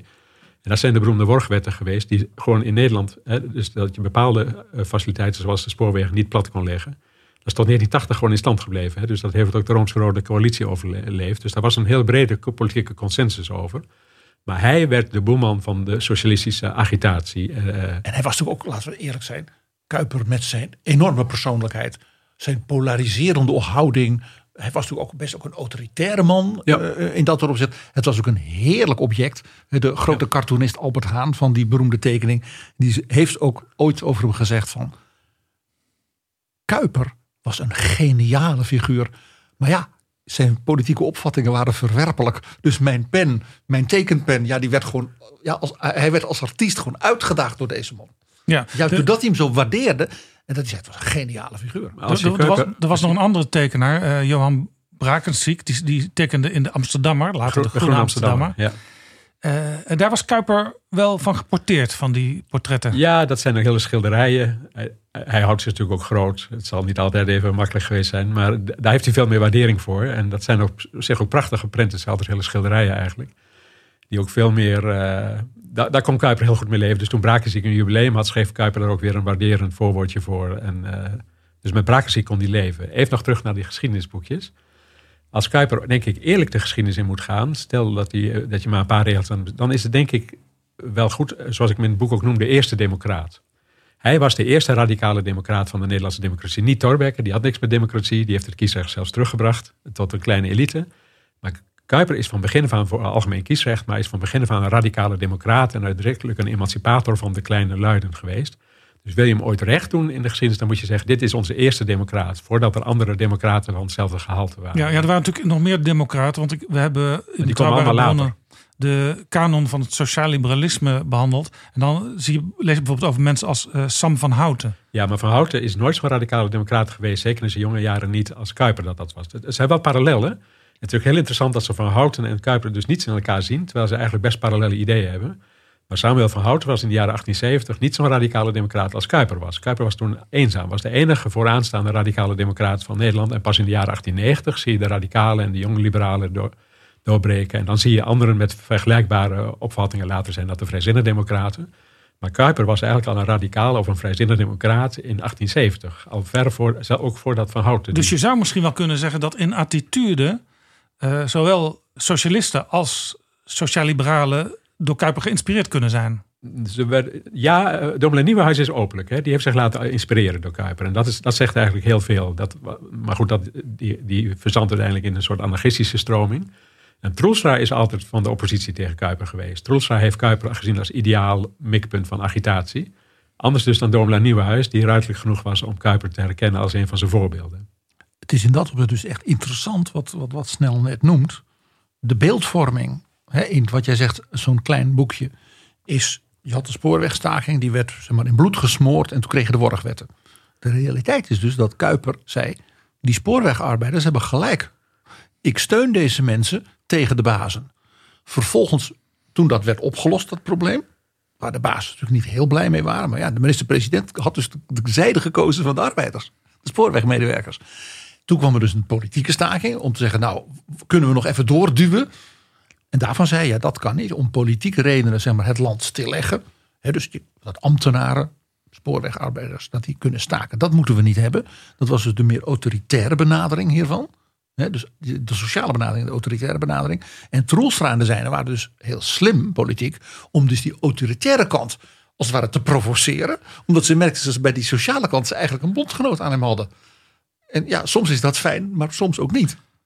Hij wilde zijn tweede kabinet gebruiken om dat beeld weer een beetje bij te stellen. Daar wilde hij echt sociale hervormingen gaan plegen. Maar dat, tweede kabinet, dat kwam er nooit. Nee, precies. Dat is een tragiek geweest. Hij het wilde het, de het wetboek van arbeid doorvoeren. Dus hij wilde de sociale kwestie op, opheffen... door de arbeid voldoende uh, recht te geven... en verplichte zelfverzekering enzovoort allemaal te stichten.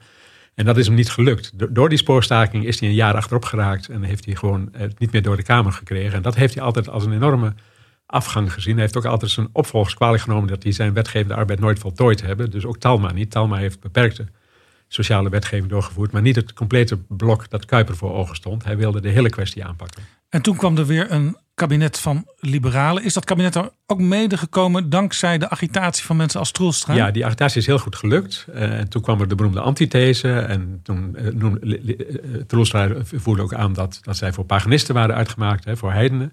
En toen hebben socialisten en liberalen eh, in die districten op elkaar gestemd, zodat één keer ze nog Kuiper weg konden krijgen. Dat is 1905 geweest. Het was wel een Pyrrhise overwinning, want dat kabinet kon vervolgens niks, niks meer. Er kwam nog weer een liberaal kabinet de Meester.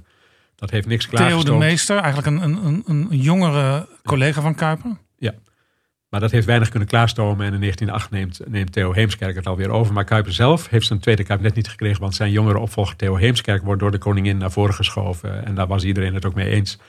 En toen heeft hij enigszins grommend in de zijland moeten accepteren dat zijn tijd voorbij was in de politiek. Ja, interessant, die Theo Heemskerk, die werd eerder door Kuiper voor het eerste kabinet als minister aangezocht. Ja, als minister maar, van Binnenlandse Zaken moest hij. Maar die heeft dat toen niet gedaan en dat kwam door zijn vrouw. Dat heeft Kuiper nooit geweten wat erachter zit, maar zijn vrouw, een Poolse barones, die maakte hem in de telegram duidelijk dat hij, dat ze, dat hij uh, haar kon vergeten als hij in het kabinet zou stappen. Dus Theo Heemstra kon gewoon niet. Die had gewoon een oekase gekregen. Want ze vond die Kuiper een akelige man. Ze vond hem een akelige, zoals, zoals de hele elite, vond zij hem ook maar een, uh, maar een plebejer. Zo, zo, zie je dus dat wat koning Willem III vond, een plebejer, een proletariër. Dat ook deze adellijke dame, dus eigenlijk, eigenlijk je zou merken, die hele uh, de hele 19e eeuwse klassieke elite, of het nou liberalisten of aristocraten waren, ze moesten allemaal niks maar van wij hebben. weten dat. Wij weten dat, uh, dat zij dat deed. Maar Kuiper heeft het nooit geweten, want Theo Heemskerk heeft hem dat nooit kunnen vertellen natuurlijk.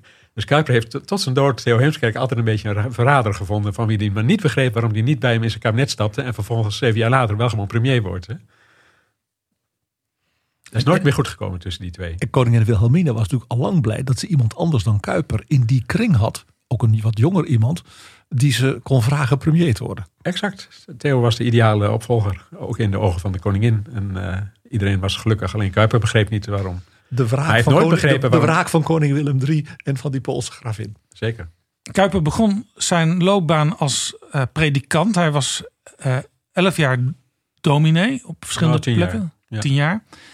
En ik las in uw boek ook dat uh, een van zijn eerste grote politieke toespraken, dat deed hij eigenlijk als een predikant. En dat, dat hij merkte eigenlijk gaandeweg dat dat helemaal niet zo succesvol was om het op die Dat manier mijn, te doen. dat is mijn reconstructie. Hij valt als predikant al enorm op met zijn grote redenvoeringen over waar hij binnenkomt in Utrecht en weer weggaat in Utrecht en in Amsterdam. Daar houdt hij al redenvoeringen die eigenlijk, nou, dat zijn inderdaad meer redenvoeringen dan preken. Dus hij was al een, uh, iemand die redenvoering hield van begin af aan. Maar het echte effect van die redenvoering, dat ontwikkelt hij zich. Dat is mijn reconstructie. Gaandeweg. Hij krijgt op een bepaald in de gaten hoe je ook het publiek echt bespeelt. Hè? Hoe je ook op een bepaald moment stil moet worden. Hoe je iets persoonlijks moet vertellen over je uit je eigen leven. En, en, en toen werd hij echt die beroemde redenaar die, die vooral op oudere leeftijd was. Hij sprak, en dat is weer uniek, hè? die liberalen spraken altijd voor gelijkgezinden. Hij sprak voor massa's. Hij sprak voor gewone mensen die hem één keer in hun leven zagen. Die kwamen één keer speciaal uit Friesland afgereisd om Kuiper op het podium van het Concertgebouw te zien. En dan, keek, en dan, en dan bespeelde hij dat publiek. Ja, hij sprak ook in zalen waar net iedereen hem onversterkt nog kon horen. Hè? Nou, de grootste zalen van het land. En dat ging tot 6.000, 7.000 toe. Uh, en, en, en, maar die bespeelde hij echt. Dus hij heeft zich langzaam ontwikkeld tot een, tot een spreker. Maar daar was hij uniek. De socialisten waren de enige anderen die de massa toespraken. Maar dat deden ze op pleinen en in de buitenlicht. Hij deed het in zalen. En hij deed het altijd van hard naar zacht. En van enorm emotioneel naar heel erg Het was, sober. een, het was een performer. Hij was een performer, absoluut. Dat heeft hij ontwikkeld. En je ziet dat hij in zijn vroege jaren is hij nog te veel de dominee. Maar, dat, maar vrij snel ontwikkelt hij al die performers. En, en, en zo ontwikkelde ook hij het, de, het, het middel van de ironie, de humor, de spot. Want ook daar was hij niet vies van. Nee, maar niet in die toespraken, want dat zou ingewikkeld zijn geweest. In die toespraken is hij altijd straight, is hij helder. Maar in zijn drie starren is hij natuurlijk ironisch en kritisch en, en humoristisch. En, ja. De beroemde quote dat toen er kritiek was bij de officiële opening van de Vrije Universiteit. Dat er dus na afloop de receptie drank werd geschonken. Jawel. Dat ook de heren studenten hadden mogen drinken. En dat dat toch schande was. En toen heeft Kuiper die beroemde antwoord gegeven. Dat je een kloek ras van Calvinisten niet opvoedt bij de waterkan, de melkkan en de chocoladeketel. Nou ja, dat is het soort. Uh, het feit dat we dat nu nog weten, uh, uh, dat geeft aan dat hij ook de, dus de gave had om met één. Het, ook, ook typisch met zo'n driestar, om met één zin als het ware iedereen en de lachers op zijn hand te krijgen en meteen ook te relativeren. Er zat, da, daarin groot, zat ook iets rooms. Hij was een stilist. Ja, absoluut. Zowel in zijn geschreven woord als in gesproken, gesproken woord zie je de, de, man die enorm veel stijl, stijl, stijlen weet te hanteren. En vaak in één kwinkslag of in één beeld. Hij was heel. Be het unieke van hem is eigenlijk zijn beeldende karakter. Als je hem leest, wat doet hij nou als geen ander iets omzetten in meteen een beeld? Dus alcohol is voor hem geen term. Het gaat hem om de waterkaraf of de melkkan. De chocoladeketel. Dat beeld, de chocoladeketel. Dat, Oftewel, dat, wees niet zo lullig. Wees niet zo ja. kinderachtig. Beelden, dat, ja. is, dat is echt zo'n grote kracht. Waar had hij dat geleerd, dat je het zo moet doen? Dat had hij van jongs af aan. Uh, dat zat in zijn systeem. Maar hij ontwikkelde doordat hij elke dag de, krant, de voorpagina van de krant schrijft. En dus hij moet wel. Uh, maar uniek voor zijn manier is dat hij niet zozeer redeneert, maar dat hij beelden schept. En daarom werd hij ook zo populair bij gewone mensen.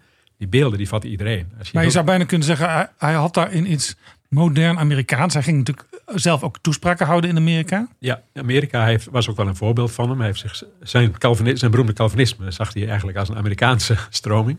Grappig genoeg. Hij, hij, werd door zijn tegenstanders ook uitgescholden voor een democraat van Amerikaans snit. Hè. Democraat was een scheldwoord en Amerikaans was helemaal een scheldwoord. En, maar hij zag dat als een eretitel. Hij was een Amerikaanse democraat. Als ik kijk naar mensen in zijn tijd, dus grote politici die wij kennen, om hun beeldende, briljante manier van formuleren, dan zijn er drie die ik noem. En waarvan ik dan denk, dat kan bijna niet als je Kuipers ook enorme ja, leeslust van de hele wereld. Dat is Abraham Lincoln. Dat is de tegenstander van Gladstone, Benjamin Disraeli. Gladstone was niet zo'n geweldig spreker. Disraeli was briljant. à la Kuiper en natuurlijk Bismarck. En de manier waarop die hun speeches opbouwden, ook met die beeldende dingen, zeker Disraeli, dan hoor je in Kuiper, daar heeft hij echt van geleerd. Maar leuk om te weten dat hij zowel van Disraeli als van Bismarck niets moest weten. Hè? Dat waren voor hem echt, hoe heet dat? Dat machtspolitici, machtspolitici waar hij zelf niks mee had. Nee, het waren conservatieven in zijn ogen, maar hun brieën. Laat ik zeggen, daar, daar maakte hij graag, graag gebruik van. Zoals hij dus ook een man als Multatuli maar hij zou bewonderde, ik, maar hem zijn ideeën verwierp. Maar Disraeli en Bismarck zou hij denk ik demagogen noemen, als ik hem een beetje kan volgen. Dat, dat vond hij demagogie, dat vond hij de taal van de macht. Weet je wel. Niet, niet, niet, niet, dat was niet zijn, eh, zijn voorbeeld. Nee, maar hij was de, liberaler. Ja, maar de stilistische brieën van een Disraeli en van een Bismarck en ook een Abraham Lincoln. Daarvan denk, als ik dat lees, denk ik van je, je ziet dat een man als Kuiper in die stijl opereerde. Ja. Jij noemde in een eerdere aflevering van Betrouwbare Bronnen Kuiper een van de eerste populisten. Hebben we dan over populisme in de zin van het goede populisme, zoals premier Mark Rutte dat noemt? Nou, populisme in de zin van als je echt gelooft in je politieke boodschap, dan wil je dat iedereen, ook mensen die niet gestudeerd hebben, in zijn tijd dus de arbeiders, de mensen, die wil je dus meenemen. En ook wel een stukje volksverheffing. Dus het populisme van de volksverheffing, waarin dus Kuiper weer heel dicht tegen de socialisten van zijn tijd zat. En dus heel nadrukkelijk niet bij de liberalisten van zijn tijd zat. Maar de beste manier om dat te noemen is toch democraat. Zo wilde hij zelf genoemd worden. En hij was, hij was een vurig democraat die geloofde in politieke participatie van alle minderheden die niemand zag staan. Dus hij was bovenal een democraat. Dus als je dat populisme wilt noemen, kan dat. Maar hij zou het democraat hebben. Hij noemde dat democraat. Hij is de eerste die zichzelf christendemocraat noemde. In de jaren 1890, dan komt die term op. En ik, ik weet niet of hij de eerste was, maar hij is wel degene die het echt operationaliseert. Dus christendemocratie, hij noemt zichzelf een, eh, hij wil sterven als een christendemocraat, zegt hij later ook tegen Troelstra. Uh, dus hij noemt zich vanaf uh, wanneer hij radicaal Calvinist wordt. Calvinist is voor hem een equivalent voor christendemocraat. Maar daar ligt een klemtoon dus op democraat. Hè? Die dubbele namen waren allemaal geen democraten. Hij wel, hij was een christendemocraat. Dus dat radicalisme van zijn, zeg maar, het volk moet echt mee kunnen doen. Ja. Democratie verbond hij dus met en dat is geïnspireerd vanuit het geloof dat als het ware het gezamenlijke daarvan draagt. Hij, zag, uh, hij noemde Paulus al vroeg in zijn werk de apostel van de democratie. Christendom was voor hem gewoon fundamenteel democratisch. De koos de kant van het gewone volk en de participatie van arbeiders in de politiek was voor hem gewoon een christelijke halszaak. En daarop heeft hij ook gebroken met al die dubbele namen. De broederbreuk met Lohman, waar mensen vaak over psychologie. Alexander de Savonin Lohman, ja. Lohman, die dus uh, de Christelijke Historische Unie oprichten na de breuk? Later, ja, in 1908. Maar die stroming, daar brak hij mee op dit punt. Die, die, die, was geen radicale democraat. En, en Kuiper wilde dat de AR ondubbelzinnig koos voor de democratie. En, en, en, de meerderheid van de partij ging ook, of het grootste deel ging ook met hem mee. Maar de dubbele namen gingen eruit onder aanvoering van Lohman. En dat zat hem puur op de democratie. Hij was dus ook, behalve groot tegenstander van het elitaire liberalisme, tegen het conservatisme. Dat was echt zijn ultieme scheldwoord. Conservatief vond hij beginselloos. En dat was het ergste wat je kon zijn. Dus hij had veel liever socialisten dan conservatieven. Want conservatieven praten gewoon de macht na. En socialisten hadden tenminste nog beginselen. En in Kuipers wereld was je iemand, als je principes had, beginselen, dan, dan, stond je ergens voor en dan kon je praten en dan was er de discussie mogelijk. En dan kon je, ook, je kon je elkaar ook bestrijden? Met conservatieven was eigenlijk geen discussie mogelijk, want die hadden geen beginselen. Dus hij zou schrikken als hij nu in het Europees Parlement de Europese Volkspartij zou zien, waar veel leden zich conservatief noemen het woord conservatief zou voor hem nooit een positieve betekenis kunnen krijgen. Om die reden. Hij zou het dus volstrekt eens geweest zijn met David Cameron. Die zei wij Tories horen niet bij de Europese Christendemocraten in de EVP. Wij gaan daaruit. Dat zou Kuiper met applaus hebben begeleid.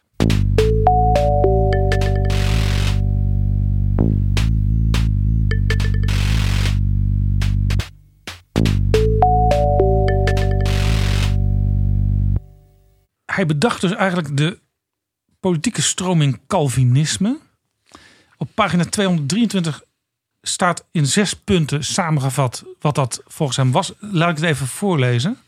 Want dan komen we ook een beetje bij de vraag: wat is er nu nog in deze tijd bruikbaar van waar Kuiper voor stond? Punt 1. Geen enkele onderwerping van mens aan mens. Punt 2. Onderwerping van de mens aan God. 3. Alle soevereiniteit bestaat bij de gratie Gods en wordt in toom gehouden door de soevereiniteit in eigen kring. 4. Huisman kiesrecht. Vijf, godsdienstvrijheid. Zes, onderwijsvrijheid. Mooi hè, maar vooral dat eerste, dat, dat moet altijd vertaald worden. En daarom heb ik het ook wat later verteld. De kern van het verhaal is natuurlijk vrijheid. Individuele vrijheid van mensen. Dus hij is uitdrukkelijk een vrijheidsaanhanger. En daarom zegt hij dat alle soevereiniteit bij God is. Er is gewoon geen menselijke soevereiniteit ooit die jouw vrijheid voldoende eh, eh, kan afnemen. Dus het feit dat, dat uh, er een God bestaat in, dit, in deze redenering. Voor iedereen. voor iedereen. Vrij is. Maakt dat mensen gelijk zijn. Ja. Dus koning, Willem, dus koning Willem III, die zichzelf, we hebben het er eerder over gehad, ja, meer als een Romanov zag. Dan een oranje, zeg maar, in de, in de, in de traditie van de opstand hè, tegen Spanje. Had dus gelijk. Dat hij zei, die Kuiper die ga ik nooit een hand geven, die komt erbij niet binnen. Dat is een volksmenner. Vanuit de Romanov-traditie, de tsaren, hè, waar Willem III zich aan spiegelde, was dat precies zo. Want die zagen dus wel dat er boven het volk iemand stond die alles mocht beslissen. Niet zijn de God, maar hij zelf. Hij redeneerde dus iedereen is gelijk, maar hij was wel, punt 4 staat er, voor het huisman kiesrecht. Oh, dat is een prachtige discussie. Dat is echt weer een van die dingen waarmee hij zichzelf in de voet schoot. Wat was dat? Kuiper was, zoals dat heet, een organisch denker. En in zijn systeem was het gezin een van de organische bouwstenen van de samenleving. En dat betekende dus dat, dat hij liever een kiesrecht had dat gezinnen honoreerden dan individuen. Want het individualisme van John Stuart Mill, daar zag hij niet veel in, of van Samuel van Houten. Dus liever gezinnen. En dan was natuurlijk in de 19e eeuwse landmaatschappij de vader het hoofd van het gezin. Dus die stemde namens het hele gezin, behalve in gezinnen waar alleen de moeder was of vrouwen alleen. Dus huisman kiesrecht omvatte wel vrouwen, maar dan moesten ze gezinshoofd zijn. Dit is eigenlijk, uh, Aban Kuiper zal het niet leuk vinden dat ik het zeg, maar een, een klein beetje SGP nog in zijn denken. Ja, 19e eh, eeuw zou ik zeggen. Nee, uh, want het was niet theocratisch. Hij was zeker niet. door en door democraat. Maar de SGP zegt, uh, de man is het hoofd van de vrouw. En dat dus, is het nee, huisbankiesrecht ook. Nee, want de ARP, daar kon je ook als vrouw lid zijn en actief zijn. Kijk, het is een beetje ingewikkeld. Al die liberalen geloofden ook alleen maar dat mannen kiesrecht hadden. Hè? Dus je moet, het is in de context waar alleen mannen kiesrecht hebben. En, en hij wilde dat uitbreiden naar vrouwen, maar dan op gezinsbasis. Maar het typisch Kuiper, dat noem ik ook in zijn voetschiet, is dat hij daar eindeloos aan vasthoudt. En dat is typisch dat beginsel vaste van hem. Op het moment dat het niet realistisch meer is en men gewoon naar individualistisch kiesrecht toehelt, dan blijft hij toch vasthouden aan dat huisman kiesrecht. Hij heeft trouwens wel uiteindelijk ermee ingestemd hè, met, met het algemeen kiesrecht. Schoolvoetend als lid van de Eerste Kamer op zijn alleroudste dag. Maar principieel was hij een voorstander voor dat organische huisman kiesrecht. Ja, mag ik nog voor de moderniteit van Kuiper nog iets nou ja, echt letterlijk van deze dagen, deze jaren aanstippen. Kuiper was ongelooflijk geïnteresseerd in wetenschap, technologie. We hadden het er al over. Hij is gedurende zijn actieve leven, zeker ook als minister en dergelijke, naar alle wereldtentoonstellingen geweest van de nieuwe technologie. Die in Parijs en wat dan niet. Die in Amsterdam was hij bijna een soort mede-organisator. Dus dat bevorderde hij enorm. Hij was ook enorm geïnteresseerd in de stand van de wetenschap, ook de nieuwste stand van de wetenschap. Zo was hij een aanhanger van Charles Darwin. Nou denk je, men, men was toch in christelijke kring eh, van de schepping in zeven dagen. Dat was wel niet. Maar hij was een wetenschapper. Hij zei, Darwins ideeën, zijn theorie, geeft ons als mensen, als wetenschappers, een veel zeg maar, interessantere analyse van wat hij noemde de paleontologie. Dus zeg maar uh, ja, de botten van, van dinosaurussen en dat soort dingen. Dat hij zei, ja, dat, die ideeën van, ja, dat heeft God erin gestopt om de mensen te verwarren. Nou, daar, daar stonk hij dus niet in. Hij zei, die Darwin die heeft iets te pakken dat wetenschappelijk zeer de moeite waard was. En nu wordt het interessant. Hij zei, de mensen als meneer Heckel, Duitse fan, maar van Darwin, die zei, oh, dat moet je ook toepassen op mensen en hun rassen. En dan is het blanke ras is dus hoger ontwikkeld en moet dus de baas zijn in de wereld. Ja. En Gaat je... overigens al uit van het feit van het idee dat er rassen bestaan? Dus dat was in die tijd natuurlijk sowieso al het geval, ook door het kolonialisme. Dus dat wat dan werd genoemd het sociaal Darwinisme, dus toepassen op de menselijke aard en daar een soort machtsstructuur aan ontlenen, dat verwierp hij volstrekt. Want er is ook een hiërarchie en menselijke ontwikkeling. Dus dat bijvoorbeeld, hij zei, Nederland moet zijn excuses maken bij de sultan van Atje had dus ook te maken met zijn verwerping van het sociaal Darwinisme. En nu wordt het interessant. Hij was zo geïnteresseerd in deze nieuwe manier van denken, die zichzelf natuurlijk wetenschappelijk noemde, dat hij de allereerste van Nederlandse politicus is. En ik geloof, uh, Johan Snel, dat u zelf zegt, misschien wel de allereerste ook Europese politicus, die zich actief interesseerde, las en bezighield met de filosofie van Friedrich Nietzsche. Uh, hij heeft geloof ik toen het boek net uit was, uh, in de zomervakantie zijn Alzo sprak Zarathustra gelezen. Ja, in de Alpen waar het ook geschreven was. Het, het boeiende was dat Nietzsche dus ook voor zijn gezondheid dus heel veel in Graubünden was en daar in de bergen dat boek heeft geschreven. Nou ongeveer in diezelfde bergen, boek was zeg maar net uit, las Abraham Kuyper dat. Nou dan denk je, ja iedereen leest in de zomer wel eens wat. Kuyper vond dit boek dermate belangrijk dat hij eigenlijk meteen daarna in een van zijn toespraken zich openlijk heeft uitgelaten over Nietzsche. Dat betekent dus dat hij als een van de aller, allereerste zag dat deze denker iets was voor zeg maar, de komende 100, 200 jaar. Hij zei over Nietzsche, niet in die toespraak, maar in uh, andere publicatie, de man is als Multatuli. Dus als stylist, als schrijver ongeëvenaard goed, maar wiens ideeën levensgevaarlijk zijn. En hij heeft dus gezegd, kijk, die Nietzsche, dat is dus in feite een sociaal Darwinist. He, die zegt, je hebt de ubermensch en de untermensch. En die ubermensch die mag als het ware dus in de wereld doen wat hij wil. Het, macht het, recht van de sterkste. En Kuiper zegt dat is volstrekt in strijd met als je denkt in menselijke gemeenschappen, de kringen zoals hij dat noemde, en ook vanuit de christelijke gedachte, dat mensen ja, die het minder goed getroffen hebben, door wat voor reden dan ook, dat dus de mensen die het beter hebben getroffen, zich voor hen moeten opkomen, zich om hen moeten bekommeren. Dus die hele sociale kwestie. En hij zei dus, Nietzsche en de sociaal-Darwinisten zijn dus de grote tegenstanders in filosofisch opzicht van mensen die dus sociaal willen denken. Dat is als je kijkt naar de discussie in deze tijd, het, het opnieuw opdoemen van het sociaal-Darwinisme, uitermate actueel. Toen hij als premier het ziekenhuis in Groningen opende, hield hij ook een toespraakje waarin hij Nietzsche weer aanhaalde. Toen zei hij, u bent gelukkig niet van Nietzsche, u gelooft niet zo in ubermensen, maar in mensen die zorg behoeven en dat doet u heel erg goed. En met uw werk toont u alleen al aan dat u niet in Nietzsche gelooft, maar in, in, uh, in de gelijkheid uh, en in de zorg van gewone mensen die ziek zijn. Het zou iets voor Hugo de Jonge zijn als minister van Zorg. De perverse toepassing van het begrip untermensch door het nazidom heeft hij gelukkig niet meer hoeven meemaken. Want hij stierf op 8 november 1920. Mede de reden dat wij er nu over praten. En natuurlijk ook vanwege dat prachtige boek De Zeven Levens van Abraham Kuyper van Johan Snel. Wat ik iedereen kan aanbevelen, 400 pagina's, om te gaan lezen. Zullen we dan nog een heel klein, heel apart dingetje in dit boek aanstippen? Ja. Je komt toch niet met een stukje opera, PG? Nee, maar het gaat wel heel even toch over opera. In de Britse en Amerikaanse kranten in zijn tijd ging het verhaal dat Kuiper enorm productief was en dit en dat. En de man had zelfs een komische opera geschreven. Hoe ze daar aankwamen, uh, snel kan dat misschien vertellen. Dat uh, speelt vanaf dat hij premier is en dan komen er allerlei portretten in die kranten, ook, ook in Australië en Nieuw-Zeeland. Overal komt dat verhaal van die komische opera een paar door. En één journalist moet zich ooit vergist hebben, die heeft ergens gelezen dat Kuiper de opera van Junius, een, uh, een reformator, had uitgegeven. En dat heeft hij opgepakt als een opera. Maar zeker het jaren het, nog. Het Latijnse woord opera. Dus jaren dus later verzamelde werken. gaat altijd nog het verhaal rond in die Britse en Amerikaanse kranten. dat hij dus ook de auteur is van een komische opera. En dan moet je weten dat Kuiper opera verfoeide. Hij vond het allemaal niks. Zullen we dan toch. Want er is toch een hele mooie verbinding. Namelijk met de grote operacomponist Richard Strauss. Want dat is de man die natuurlijk dat stuk van Nietzsche. dat literaire stuk. Alzo sprak Zarathustra heeft vertolkt in een groot symfonisch werk. Dat ik denk iedere filmliefhebber ook wel kent. Zullen we het fameuze begin daarvan dan heel even laten horen als eind van dit gesprek? We luisteren.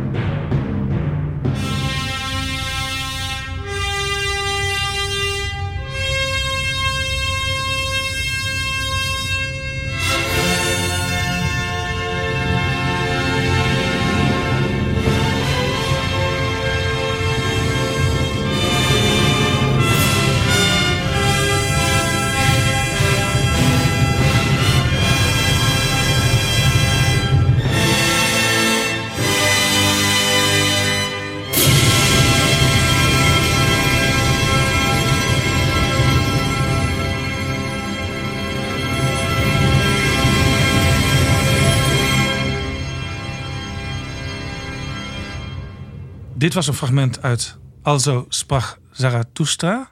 Niet tot genoegen van Abraham Kuyper. Je hebt het altijd over mensen die op een wolk meeluisteren. Maar ja, dit nemen we jou niet kwalijk, PG, want dat is nu eenmaal jouw, eh, jouw aard om toch, als het even kan, nog ergens opera in te stoppen. En ooit zal ik op mijn eigen wolk dan wel Abraham Kuyper bestraffend uh, op mijn nek krijgen.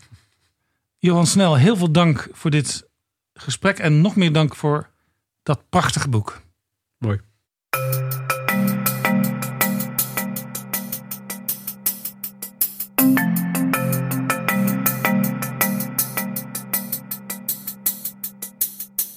Zo, dit was Betrouwbare Bronnen, aflevering 149.